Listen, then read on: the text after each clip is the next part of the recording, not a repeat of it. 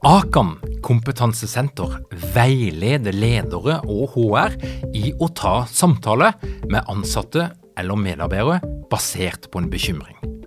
Akan setter ledere og medarbeidere i stand til å forebygge og håndtere en problematisk bruk av alkohol, narkotika, legemidler, spill eller doping blant ansatte. Ønsker du å lære mer om god forebygging og gjennomføring av samtale med en som du er bekymra for?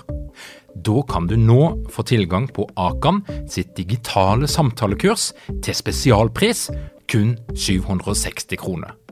Målet med kurset er å gjøre deg tryggere i det som kan være en krevende, men viktig samtale å ta i lederrollen. Du får tilgang til kurset med å gå til samtalekurs.no, samtalekurs.no, og bruke kampanjekoden LEDERPODDEN. Tilbudet gjelder ut april. Hei, mitt navn er Cecilie Ystnes Myhre, og 5. april da kommer jeg til Ledernettverket for å holde en workshop og dele mine beste tips til deg som leder. Så gå inn på ledernettverket.no, så ses vi.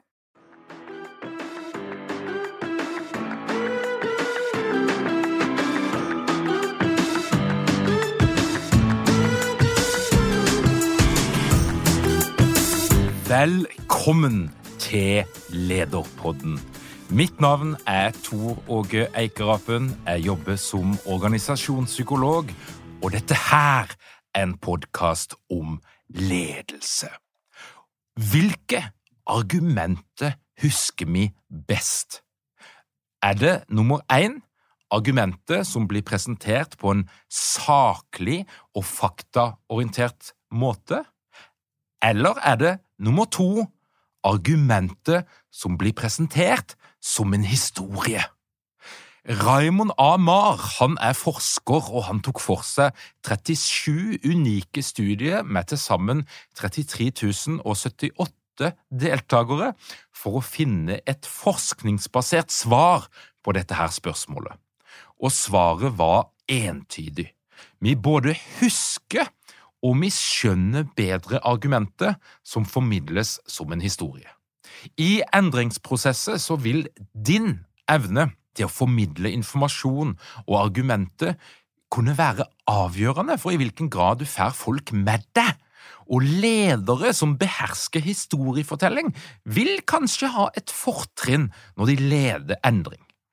Per Henrik Stenstrøm han har vært i Lederpodden før, og han er utdannet journalist. Han har 30 års erfaring fra TV og radio, de fleste av de som leder, og han er i dag forfatter, rådgiver og foredragsholder innen kommunikasjon og ledelse. Noe av det Per Henrik har jobba mest med de siste årene, det er nettopp å hjelpe noen av Norges fremste ledere og virksomheter til å bli bedre på strategisk historiefortelling. Og noen ganger når du ser en knallgod kommunikator og leder på en scene, ja, så er de trent av nettopp Per Henrik. Velkommen tilbake igjen til Lederpodden, Per Henrik. Tusen hjertelig takk for det. Hyggelig å være tilbake her igjen. Per Henrik, når var det du forsto at du hadde talent for det å fortelle historie? Jeg eh, forsto nok det ganske tidlig sånn personlig, at eh, på barneskolen og at man eh, ja, hadde en eller annen sånn evne til å hva skal vi si, samle folk, eller at man hadde kunne være litt morsom, eller at man kanskje kunne ljuge såpass mye at en historie ble interessant nok. Men, men jeg har nok hatt det der i meg veldig tidlig. Jeg husker eh, på videregående var det vel, så skulle vi holde, for, vi skulle holde foredrag, og vi skulle lære oss å holde foredrag. og det, eh, det driver man jo med på barneskolen i dag, mens tidligere så var jo dette her litt seinere ute i skoleløpet. Men, men, det var da, og da kom jo folk og holdt foredrag om fotballklubben sin og marsvin og ja, alt mulig rart. Men jeg husker jeg skulle holde foredrag om å holde foredrag. Så det var jo ganske pretensiøst, selvfølgelig, at man da skulle lære opp de andre i å holde foredrag. og jeg husker jeg til og med la inn, la inn fem feil i foredraget, så det skulle være en konkurranse. Um, hvor de da skulle oppdage disse fem feilene for å forstå da jeg la inn sånn type se ut av vinduet, fikle med nøkkelknipe. Eh, og så når jeg var ferdig å holde foredraget mitt om hvordan man skal holde foredrag, så sa jeg ja, da kommer vi til konkurransen. Eh, hva var feilene jeg la inn i foredraget, og jeg har da en Twist-pose til vinneren. Og Da var det jo noen som var oppe raskt med handa, og så sa de det var kjedelig. Eh, det var uten en rød tråd, og jeg kjente at jeg forsto umiddelbart at den konkurransen var helt ute av kontroll. For det var jo ikke de feilene jeg hadde lagt inn, for det var det nøkkelknippet og det var vindu og sånn, men de kom med helt andre ting som kanskje var i og for seg riktig. Eh, men, eh, så den interessen, den har, den har ligget der ganske lenge. Og hva, hva er det som kjennetegner en, en god historie? Jeg eh, tenker jo at det handler jo om eh, at en historie skal jo da skal være litt sånn engasjerende.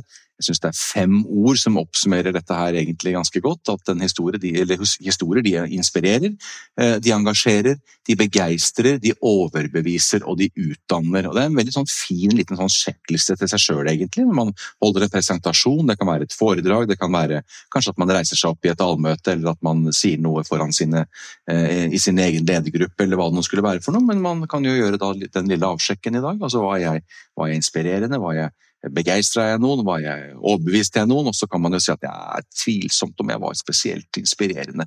Eh, men jeg utdanna, jeg forklarte, ja ok, da har jeg i hvert fall fylt eh, og haka på to av dem, da. Men, men det tenker jeg liksom er summen av eh, historiefortelling når det da er effektivt og det, og det, funker. Og så er dette litt sånn fluffy og det er litt sånn diffust, ikke sant? og det høres litt uh, det, det, høres litt sånn pompøst ut. og, og og så er det mange som misforstår og tenker at eh, ja, er det vitsefortelling, eller er det anekdoter, eller hva er det for noe?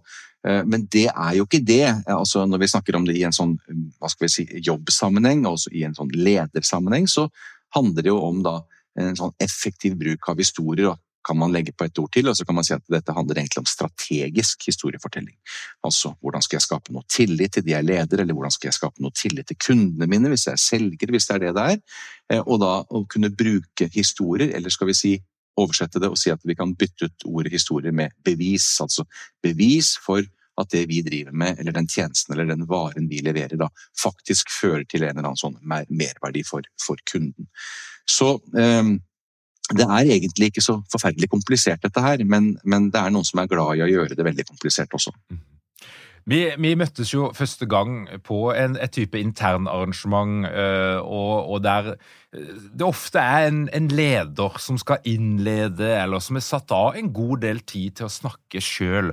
Og av og til så sitter vi jo da som profesjonelle foredragsholdere og kanskje blir litt pinlig berørt. Andre ganger så blir vi kanskje imponert. Men, men hva er det ledere ofte gjør feil når de skal formidle et annet budskap til sine medarbeidere på et sånt arrangement? det, det, er jo um, at det er kjedelig, eh, og at det ikke treffer noen. Og at det er tall, og at det er faktabasert, og at det ikke inneholder hva skal jeg si, noen mennesker eller noe liv eller noen eksempler. Da. Uh, og det er jo da den derre standard. Jeg syns jo det er alltid gøy, for vi er jo ofte på som du sier, arrangementer, og man skal kanskje holde et foredrag eller en presentasjon eller være konferansier for den saks skyld, og så ser man da lederne i aksjon. da. Uh, og, og det er jo da Eh, alltid også hvis man får mulighet til å treffe dem på forhånd og så si ja, du skal si noen ord i morgen du også. Du har, ja, du har 1000 ansatte i salen, og dere har leid inn Harald Rønneberg, og DDE skal spille, og ja, så skal jo du ha 20 minutter på scenen, har jeg skjønt, som leder. Det blir jo et viktig lite eh, vindu der hvor du skal snakke til alle de ansatte om nå, eh, retningen eh, videre eh, for det neste år, ikke sant. Og ja, hva skal du si? Nei, det Nei, det det får jeg finne ut av på hotellrommet i kveld. Det ordner seg, ikke sant. Jeg har noen foiler jeg må gjennom, og så skal jeg se litt hva jeg skal, hva jeg skal si. Og det er jo en ganske sånn normal tilnærming til dette her. Jeg tar det på hotellrommet. Jeg er ikke så verst, jeg er ikke veldig god heller. Eh, men eh, det der skal jeg nok fikse. Og så er det kanskje det viktigste som skjer på den konferansen, er det du som leder gjør.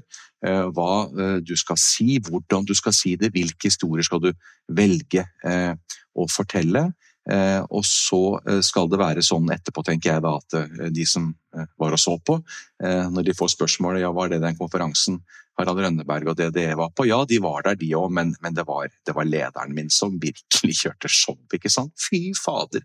Han, altså, det var stående applaus, og det var gåsehud. Eh, og det var virkelig ståpels, altså, fordi nå kjente jeg at det betyr noe, eh, det vi driver med. Eh, og det handler jo ikke om at du skal være en sånn Petter Stordalen som noen ser på som et sånt forbilde, og, og han er kjempeflink, men, men, det handler jo bare om at du skal være deg sjøl. Og du skal egentlig gjøre det enkelt for deg sjøl, fordi altfor mange gjør det så vanskelig for seg sjøl. For de tenker at eh, og jeg får sånne henvendelser når folk spør sånne toppledere sier du, kan du lære meg sånn, kan du hjelpe meg med å huske ting utenat. Eh, er det noen som spør om. Fordi jeg må bruke så mye manus og sånn. Ja vel, eh, det kan sikkert hende det finnes noen teknikker for å lære seg å huske ting utenat, men jeg tror ikke det er der vi skal begynne. Skal vi kanskje heller velge ut tre historier du kan fortelle? Fordi det tror jeg ikke du trenger noe manus, for der har du vel vært til stede sjøl. Du har jo, eller i hvert fall eh, sett det med egne øyne, eller du har blitt fortalt det, og de har berørt deg på en eller annen måte, så de tror jeg du husker. Ja ja, de husker jeg. Ok, velger vi ut tre historier, nå har du plutselig kanskje fylt et kvarter eller 20 minutter, altså trenger du noe huskelapp? Nei, jeg trenger ikke noe huskelapp. Så det handler jo om å gjøre det eh, det er egentlig litt sånn juks, ikke sant? Det er jo ikke det heller, men, det handler om å gjøre det litt enkelt for seg sjøl, og det er jo det som da blir naturlig og blir kraftfullt, fordi da trenger du ingenting å lene deg på, for du gleder deg til å gå på den scenen, du gleder deg til å gå inn i det møtet, om det er et salgsmøte eller om det er en stor setting, så kjenner du at det, dette blir gøy. Fordi nå skal jeg fortelle to-tre historier eller eksempler på hva vi har fått til det siste året, som virkelig har imponert meg. Eh, og da, da blir dette her morsomt, da. Og da slipper man å Jeg holder jo ikke kurs i presentasjonsteknikk, eller det hender jo folk spør om det, men jeg tenker jo at vi starter jo med noe helt annet, egentlig. Folk kan gjøre hva de vil på scenen, tenker jeg. Folk kan stå hvordan de vil. De kan fomle med så mye papirer de vil. De kan gjerne binde seg fast til talerstolen, for min del. Eh, det er mange flinke talere som står helt stille, ikke gjør noen ting, ikke har form, ingenting på scenen. Men det de gjør, er så effektivt og det er så kraftfullt fordi de har valgt ut noen historier som de kjenner at de blir berørt av, og da berører de også selvfølgelig mest sannsynlig de som lytter. da. Og så lever vi i ei tid Henrik, der, der mange ledere de skal lede endring. En skal digitalisere, effektivisere, omorganisere, jobbe smartere, er det mange som snakker om. Mm. Og, og fra organisasjonspsykologien så vet vi iallfall at det er en sånn klassisk problemstilling som ofte dukker opp, og det er jo hvis jeg som medarbeider ikke skjønner hvorfor denne endringa skal skje, ja, da er det vanskelig å la seg rive med og, og, engasjere. Og på hvilken måte er det ledere da kan bruke historie for å klarer kanskje å, å få fram dette her hvorforet på en bedre måte.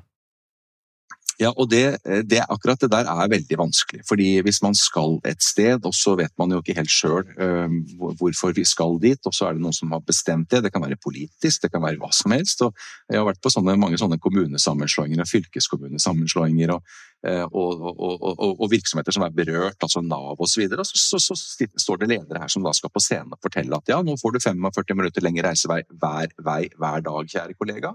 Men det blir gøy, vet du, ikke sant? Ja vi må bare kjøre på nå. Eh, så det er klart, det, det, det nytter jo ikke å, å, fortelle og finne på ting som skal endre det, da. Men det er klart, det der å ha hva skal vi si, en sånn felles oppfatning om ja, hva er disse problemene? Eh, og kan vi se til andre virksomheter som har gjort noe? Kan vi se til andre som er naturlig å sammenligne seg med? Eh, altså eksempler igjen, da. Om eh, jo, de sto i det samme, det var krevende, Eh, de trodde ikke de skulle få det til, men de fikk det til fordi de fant en felles retning. Kan vi la oss begeistre eller inspirere av det? Kanskje. Så jeg tror jo litt på det der å ja, kikke litt over kanten og kanskje innta litt sånn samme ståsted som de medarbeiderne eller de man da faktisk leder, og ha en eller annen sånn eh, forståelse eller respekt for det umulige som nå står foran oss.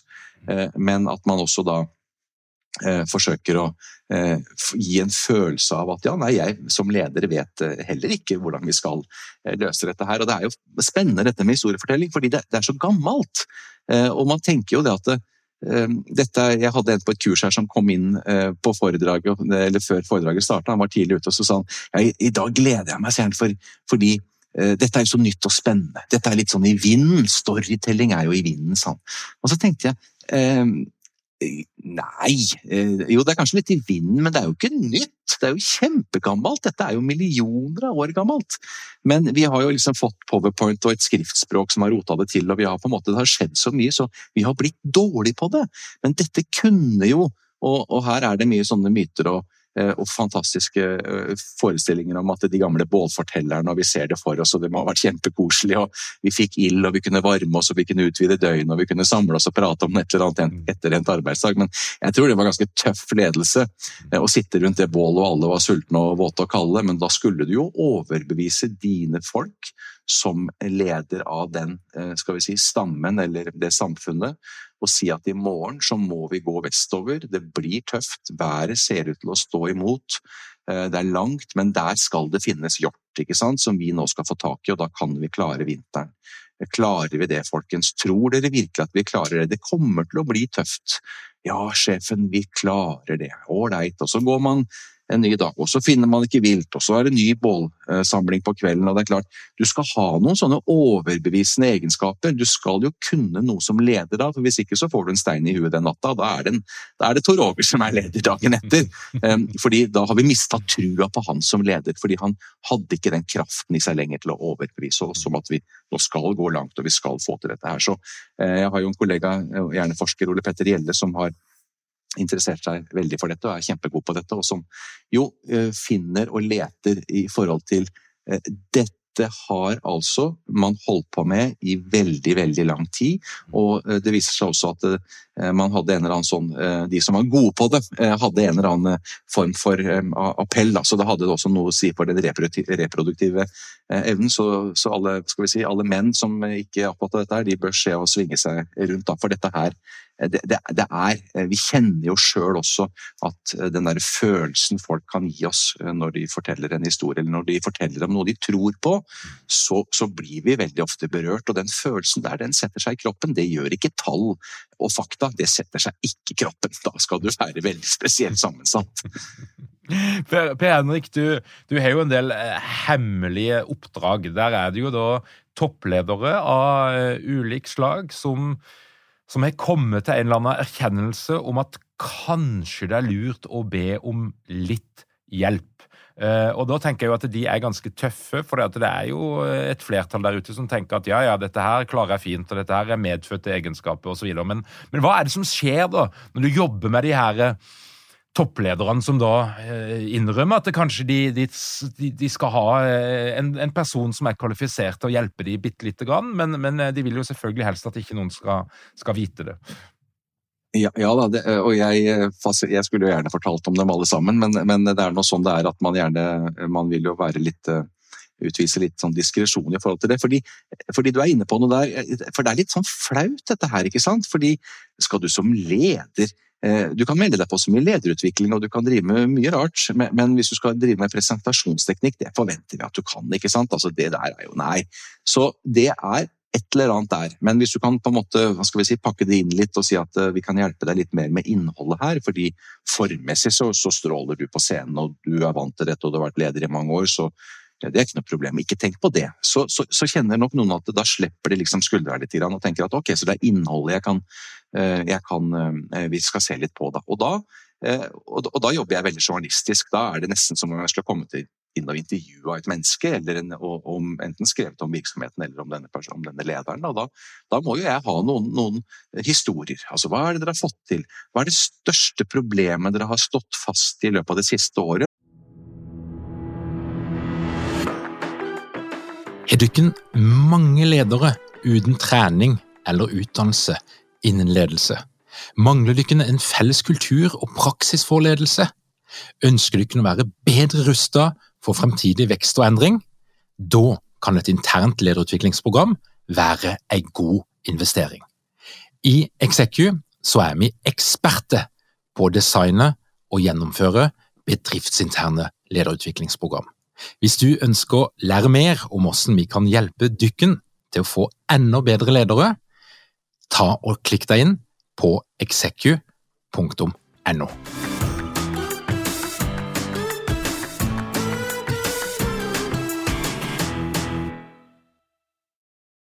Eh, hvor dere klarte å snu det og få til noe positivt, da, eller hvor dere løste problemet. Hvilken aha-opplevelse kjenner du? Altså noen sånne og da er det jo spørsmål da, som på en måte avdekker et eller annet, og så kan de kanskje komme inn og si at ja, da covid traff oss, da, da trodde jeg virkelig vi skulle gå konk, altså. Ja, fortell, fortell, hva var, du, hva var det du tenkte? Var du søvnløs? Pratet du med kona di om det? Pratet du med mannen din om det? Eh, tok dere det opp Hva skjedde? Slå, altså, og da må du jo liksom Fordi folk blir jo gjerne korte, eh, og de blir liksom rett to the point og tenker at de har dårlig tid, for vi er jo livredde for å kjede noen. Det er vi jo, det ligger jo i oss at vi er livredde for å kjede noen. Så vi tenker at dette må vi gjøres kort og effektivt. Men da å male det ut og gjøre denne personen trygg på at vet du hva, det du forteller nå, jeg, jeg, det er så spennende at det er, den største krim altså Det, det fins ikke en krimroman som hadde holdt meg mer fast. Så fortsett der. Ja vel, hva gjorde dere? Jo, vi gjorde sånn. Vi gjorde en stor kjempefeil. Og det kunne vært helt fatalt hvis ikke det var for at vi hadde en her, en leder som heter Tore, og han sa at dette må vi ikke finne på å gjøre. Og så snudde vi dette her, og så fikk vi det til, og så kom vi ut av krisen. Det er jo det. Dette er bare et eksempel, selvfølgelig, men, men det der å tørre å tenke at dette er spennende, male ut historien. Hvor var du? Hva hadde du på deg? Hvordan så det rommet ut? Hvem var der? Eh, var det noen som sa noe?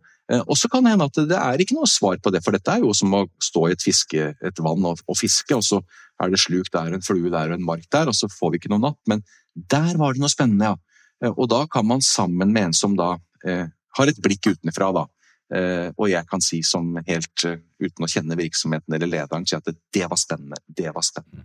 Hvorfor har du egentlig valgt å jobbe i denne virksomheten? Nei, det er en historie som ligger langt tilbake i tid. Du skjønner, jeg fikk dette inn med mors Altså, ja vel, da kanskje det skal være noe du skal fortelle om neste gang du møter de ansatte, for å virkelig overbevise dem om at du brenner mer enn noen annen for denne butikken.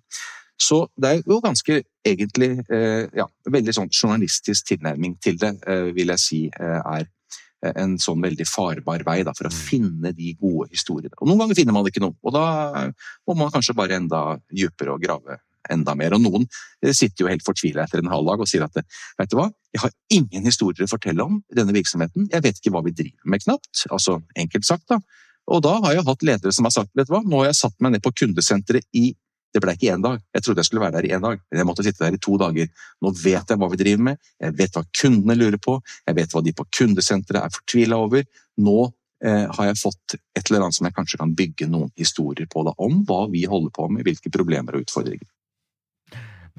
Det er, jo, det er jo eh, nok å ta her, høres det ut som. Altså, det er det som er kult med, med, det du beskriver, Henrik. Det høres ut som at de fleste ledere sitter jo på ei gullgruve av historie, enten i sitt eget liv eller i sin egen virksomhet. Det er bare å åpne opp øynene og klare å sette noen ord på det.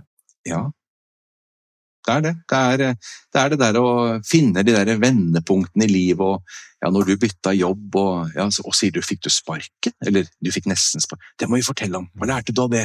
Hvordan så det rommet ut? Hva sa han sjefen din? Hva er den verste sjefen du har hatt? Og, og her finnes det jo mange måter å fasilitere øvelser på. Eh, nå forteller jeg jo alle mine forretningshemmeligheter, men det får nå eh, så være. Men, men jeg syns jo det der å sitte med en ledergruppe og så bare kan du fortelle en historie om noe som uh, har berørt virksomheten, uh, hvor du kjenner at det, det er så Du blir så emosjonell at du nesten vil ha problemer med å fortelle den historien. Det kan være innsats, det kan være noe dere har truffet på eller et eller annet. og Sette folk én og én, og så sitter de og tenker litt, og så skal de få lov til å fremføre det, da. Og så kjenner man at oi, jeg ble litt rørt av dette her, ja. Om noe som har skjedd på jobben! Wow! Ok, kan det være noe vi kan bruke, eller var det bare veldig personlig og, og, og privat historie? Ok, det, vi kan kanskje ikke bruke den, men da har vi prøvd det i hvert fall. Er det noe som er morsomt, som du syns er kjempegøy å fortelle, som du ler av, som dere har gjort? Eh, og at det da gjerne selvfølgelig er jobbrelatert. Da, og, og, og, gjøre eh, litt sånn aktiv leting etter ting eh, som man kan kanskje bruke, og da er det om å gjøre. Og jeg ser på det historier som litt sånn patronbelte. At du har da mange historier i ditt patronbelte. Eh, og så er det eh, de historiene du skal bruke opp, eh, eller bruke i den og den anledningen. fordi dette her skal jo også være det er jo da de rette historiene fortalt på den rette måten til de rette personene ved den rette anledningen. Det skal ikke være sånn at du bare er sånn vandrende rorbuagubbe som bare forteller historier i øst og vest og tenker at den traff sikkert. Nei, det gjorde den ikke. Men hvilke historier skal jeg bruke i denne anledningen når jeg nå skal snakke foran NHOs årskonferanse, eller når jeg nå skal snakke til studenter, eller hva det er for noe? Nei, det kom En av de som, som skrev eh, ganske tidlig og kobla litt sånn storytelling på business, han er jo kommet nå med en ny bok som, som, der, han, der, han, liksom snakker litt om den mørke sida. En, en, Jonathan Gottskall. Jeg har ikke lest boka, men lest om det. Og vi lever jo òg i ei tid der vi, vi opplever veldig sterkt at det å fortelle historie blir brukt som et middel for å utøve makt. Og nå er det iallfall to veldig histori forskjellige historier som fortelles i, i, Russland og i Ukraina, og der vi ser mm. lederes bruk av historiefortelling som et ekstremt virke, vir, viktig middel i en, i en krig. Og da er vi jo inne på den mørke sida av historiefortelling, mm. altså at en en god historie, eller en appellerende historie, kan jo òg for, fordekke fakta og, og, brukes til å manipulere. Og, og, tenker du, når du ser på den um, historiefortellinga som, som pågår akkurat nå? Nei, det, er jo, Vi har jo dette her helt opp i dagen, som du sier. Eh, og det er klart at uh, Zelenskyj har jo allerede blitt Eh, et fenomen. altså Sammenlignes jo med Churchill eh, allerede, selvfølgelig. Ja, det tror jeg er helt riktig. Og så har du den historiefortellinga som pågår på, på den andre sida, som jo man kan Ja. Eh, det er egentlig så man blir helt målløs. Og det er en sånn veldig fin påminnelse. Og jeg pleier jo litt på tull å si når jeg har hatt kurs, å si at nå må vi egentlig sertifisere dere, fordi det dere driver med, det er livsfarlig. Altså det kan være livsfarlig, fordi nå er dere så i stand til å påvirke mennesker. Dere er i stand til å skape tillit til folk. Eh, og det er jo veldig sånne farlige eh, verktøy, og det er jo historien eh, full av. Det er klart at det, dette som innenfor religionene òg, det vi ser Tenk deg den gjengen som satte seg ned en gang da, for et par tusen år siden og skulle skrive Bibelen. altså det var altså, Vi bør ikke tro, tro, noe som helst på det, men dette her er jo helt fascinerende å bare studere og tenke at ja, ok, da skulle man samle noen, noen, historier, noen som beviste at det var en kar som fløy rundt på jorda som het Jesus. ikke sant? Og denne boka den skal gjerne være en bestselger om 2000 år. Den skal selge like godt gjennom eh, alle disse. Mener du det? Ja, ja, ja, det skal vi ha som et mål, ikke sant? Og da må disse historiene sitte, folk må tro på det, selv om de ikke har sett det med egne øyne. Altså, og Bibelen er jo full av det er jo lignelser, heter det der. da, Det er jo egentlig historier, det er anekdoter, det er bevis da, i anførselstegn selvfølgelig på at noe har skjedd. da. Og er jo full av fantastiske historier, enten man tror på det eller ikke. Eh, så dette har man jo da holdt på med fra tidenes morgen, og det er jo av en grunn. Det er fordi det virker. Eh, og tall og fakta virker ikke, men historier det virker. Eh, og det vet jo da eh, de som er opptatt av dette her, åssen man skal bruke, og også misbruke, selvfølgelig. Mm. Og det er jo bare sånn da, at Selv om det finnes ei mørk side her, så må jo ikke det skygge over at det, det, er gøy å være på en arbeidsplass der vi har noe å tro på, der vi har en felles historie. Eh, det skaper noe energi, det skaper noe liv, tenker jeg, mm. som, som, et Excel-ark og en kjip PowerPoint-presentasjon aldri vil klare. Og til de lederne som da ikke har anledninger til å ringe deg, eh, Per Henrik, og, og få privatopplæring, hva er det de kan starte med å trene på? Jeg tenker at de kan eh, starte med å gjøre litt eh, enkle øvelser. og det der å, Nå har vi jo vært gjennom et arbeidsliv og, som har blitt snudd opp ned, og vi har vært vitne til verdenshistoriens største arbeidsmiljøeksperiment de siste eh, to årene. Men å dykke ned i det og bare gjøre en sånn liten enkel øvelse, hva, hva, er, eh, hva, er den, hva, var den største nedturen for deg eller din avdeling eller din virksomhet, eh, hvor du kjenner at dere virkelig var på stålet eller på felgen? Og hvordan klarte dere å snu det, hvis man da klarte det, og det får vi jo tro, eh, til et eller annet som var positivt? Hva var det vi fikk til? Hva, var, det, hva var det som samla seg, hvilken kraft i denne virksomheten eller avdelingen var det vi liksom klarte å, å utnytte? Hvorfor skjedde det? Hvordan skjedde det? Kan vi utnytte det? Kan vi gjøre noe av det igjen? Da? Og da kan det jo begynne å ligne en sånn liten oppskrift på en historie. Eh, hvis det på en måte er grunnoppskriften, så kan du på en måte gjøre eh, dine egne valg med litt ekstra ting oppi og sånn. Jeg tenker bare at det er en liten sånn det er en start på å liksom, kjenne på kanskje en teknikk. da. Hvordan var det for, i forhold til Dette er jo da egentlig første klasse, eller første dag på Journalisthøgskolen, men altså det å tenke fortid, nåtid, fremtid er jo en sånn fin øvelse som jeg syns alltid er nyttig. Hvordan var din virksomhet, eller hvordan var din profesjon, eller hvordan var ditt fag i gamle dager? Eh, og er jo et sånt, Hvis du er som journalist, kommer inn og skal intervjue noen eller skrive om en virksomhet, og du har ikke peiling på hva de driver med, så er det liksom det første spørsmålet er jo sånn Ja, hvordan var det i gamle dager? Hvordan er det nå? Hvordan tror du dette vil bli i fremtiden? Og direktøren vil tenke at det er en godt forberedt journalist som har vært her, ikke sant? men er jo ikke godt forberedt i det hele tatt. Har bare med seg et sånt klassisk journalistisk eh, eller historiefortellingsverktøy, egentlig. da. Vi bruker det når vi holder taler, når vi holder forlovertaler eller i bryllup, og så snakker vi om hvordan vi møttes, og så snakker vi om hvordan det er i dag, og så snakker vi om hvordan det vil være i fremtiden. Så det ligger sånn ganske naturlig i oss, men det gir litt sånn dybde. Det kan man bruke eh, på sin egen arbeidsplass, om sitt fag, om, eh, om sin arbeidsplass, eller hvordan er vi trua, hvordan var det før, hvordan har det endra seg, og hvordan er vi nødt til å rigge oss for at vi skal klare å, å, å stå her og, og vinne, og, og, også være da eh, med i framtida. Så, så, det er jo et par sånne enkle startmåter da, som tvinger fram Eller aller artigste er jo sånn eh, kollegainnsats. Eh, fortell om en superkollega som har gjort noe utover det som forventes. Eh, ikke sånn at Tor Åge er alltid så flink til å fylle opp kaffekanna eller sette kaffen på først om morgenen, og det setter vi så pris på, det er hyggelig. Men en eller annen superkollegainnsats, noen som har fått til noe som er litt mm. utover det vi forventer. Gå sammen to og to, gå sammen tre og tre, fortell en historie. Og setter man i gang det Eh, i en virksomhet på en samling, så er det, det er tåregaranti, altså. Eh, hvor da noen som sitter der, blir fortalt en historie som de ikke har tenkt på sjøl, eller noe de har gjort som de ikke kanskje vurderer sjøl som en sånn superkollegainnsats. Og noen andre har sett det og vil fortelle om det, og da blir de berørt, de som forteller det, og de som får høre det, syns også selvfølgelig at dette her er fantastisk. Og vi andre som sitter der og ikke har noe forhold til den historien eller det mennesket, vi tenker jo selvfølgelig automatisk, fordi tank eller historier tar oss jo med på reiser hele tida. Det er jo konteinere for verditransport, dette her, ikke sant? For da tenker vi andre når var det jeg gjorde en superkollegainnsats? Når var det jeg strakk meg litt ekstra? Jeg tror jeg er nødt til å gjøre et eller annet med det. Så det er jo veldig sånn oppdragende også, da, for å bruke et litt gammeldags ord. Mm.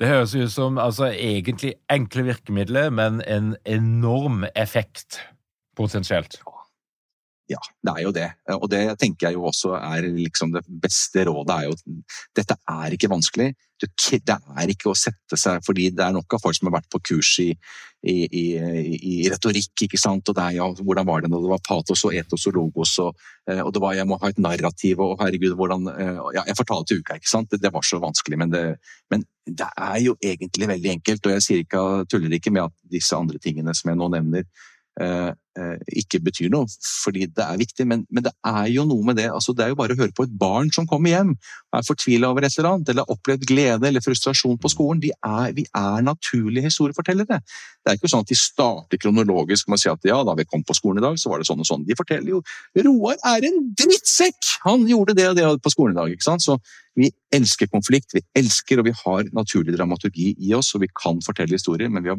blitt dårlige på det. og Så kommer vi inn i arbeidslivet, og så blir vi ledere, og så blir vi helt eh, ja, kjempedårlige på det. da. Noen. Ja, Mange. for det er jo, er jo, noen som imponerer deg litt der ute. Du kan du velge sjøl om du vil la ja. de være anonyme, eller om du vil sette noe på. Men, men hvem, hvem, er det av ledere eller politikere eller andre som, som imponerer deg, når det kommer til dette her håndverket? Ja, nei, jeg syns jo det er, det er, mange som jeg syns uh, er uh, flinke. Jeg syns jo Nicolai Tangen, som har kommet som et frisk pust inn i, i, i Norges Bank, er flink. Jeg hadde Sigrun Vågeng, tidligere Nav-sjefen, som jo er en sånn Hva skal vi si Kan stå på en scene, en voksen dame som ikke bruker noen virkemidler og kan holde en forsamling i eh, øverste lederen for Nav, liksom. Nå er jo ikke hun leder lenger, men, men, kan holde 200 stykker i en time hvor alle, ikke et menneske, kikker på mobilen. Fordi hun eh, ikke bare er profesjonell, men forteller noe som er personlig, og til og med innimellom privat. Da. Så, så de, kommer liksom i alle varianter til Petter Stordalen, som har sin stil. og jeg tenker jo at det, det viktigste er at du skal få oppmerksomhet, for uten oppmerksomhet så skjer det ikke noe. Og hvordan du gjør det, er ikke så viktig, eh, men du må finne liksom din måte. Så du skal ikke bli en skuespiller og du skal ikke bli en klovn, men eh, det du skal fortelle, skal du ha så tro på. Du skal kjenne at det må, det må da bety noe for noen andre enn bare meg. Mm. Eh, og det har jeg fått bekreftet, for jeg har trent på det, ikke sant? og jeg har hatt noen rundt meg som har på en måte også gitt meg noe støtte på det. Men da å gå på en scene, eller om det er i et ledermøte eller hva det er for noe, eller i et salgsmøte, men eh, hvor mennesker er involvert, da, og det gjelder jo like mye digitalt, selvfølgelig, hvor man, hvor man, hvor, man da sitter og, og vi, er jo, vi, er jo, så Vi elsker dette her, for vi vil høre historier! Mm. Det er jo bare å, å liksom bruke de gamle teknikkene. Og hvis jeg sier til deg, Tor Åge, at ja, på vei til mitt hjemmestudio i dag, så skjedde det noe helt spesielt. ikke sant? Du er jo med med en gang!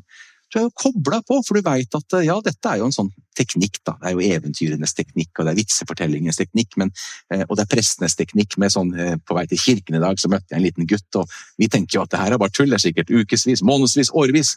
Men vi lytter, og vi eh, er fanga, og vi begynner ikke å bla på mobilen, og vi begynner ikke å drive med alt mulig annet, og vi tenker at dette er spennende. For vi vil, vi vil eh, egentlig eh, sitte hekta fast fra første side, om det er i en bok eller en film eller, eh, eller en tale. Tusen hjertelig takk, Per Henrik. Dette her er gull, og jeg gleder meg til å oppleve ledere som, eh, som bruker dine teknikker for å løfte historiefortellinga til neste nivå. Tusen hjertelig takk for at du tok deg tida til å komme til Lederpodden. Takk for at jeg fikk komme. Og til deg som hører på, hvis du har lyst til å lære mer av Per Henrik, så er det altså sånn at vi hadde tidligere år en workshop med Per Henrik i ledernettverket, og det ligger som opptak inne i ledernettverket. Så meld du deg inn, så får du tilgang på alt dette her og mer til. Og det gjør du på ledernettverket.no no. Hvis du bare har lyst til å holde deg oppdatert på alt det vi holder på med i vårt lederunivers, da gjenger du inn på lederpodden.no. Du trykker på den rette knappen, og du legger igjen din e-postadresse, og så er du inne. Takk for at du hører på Lederpodden. Vi høres igjen om ei uke.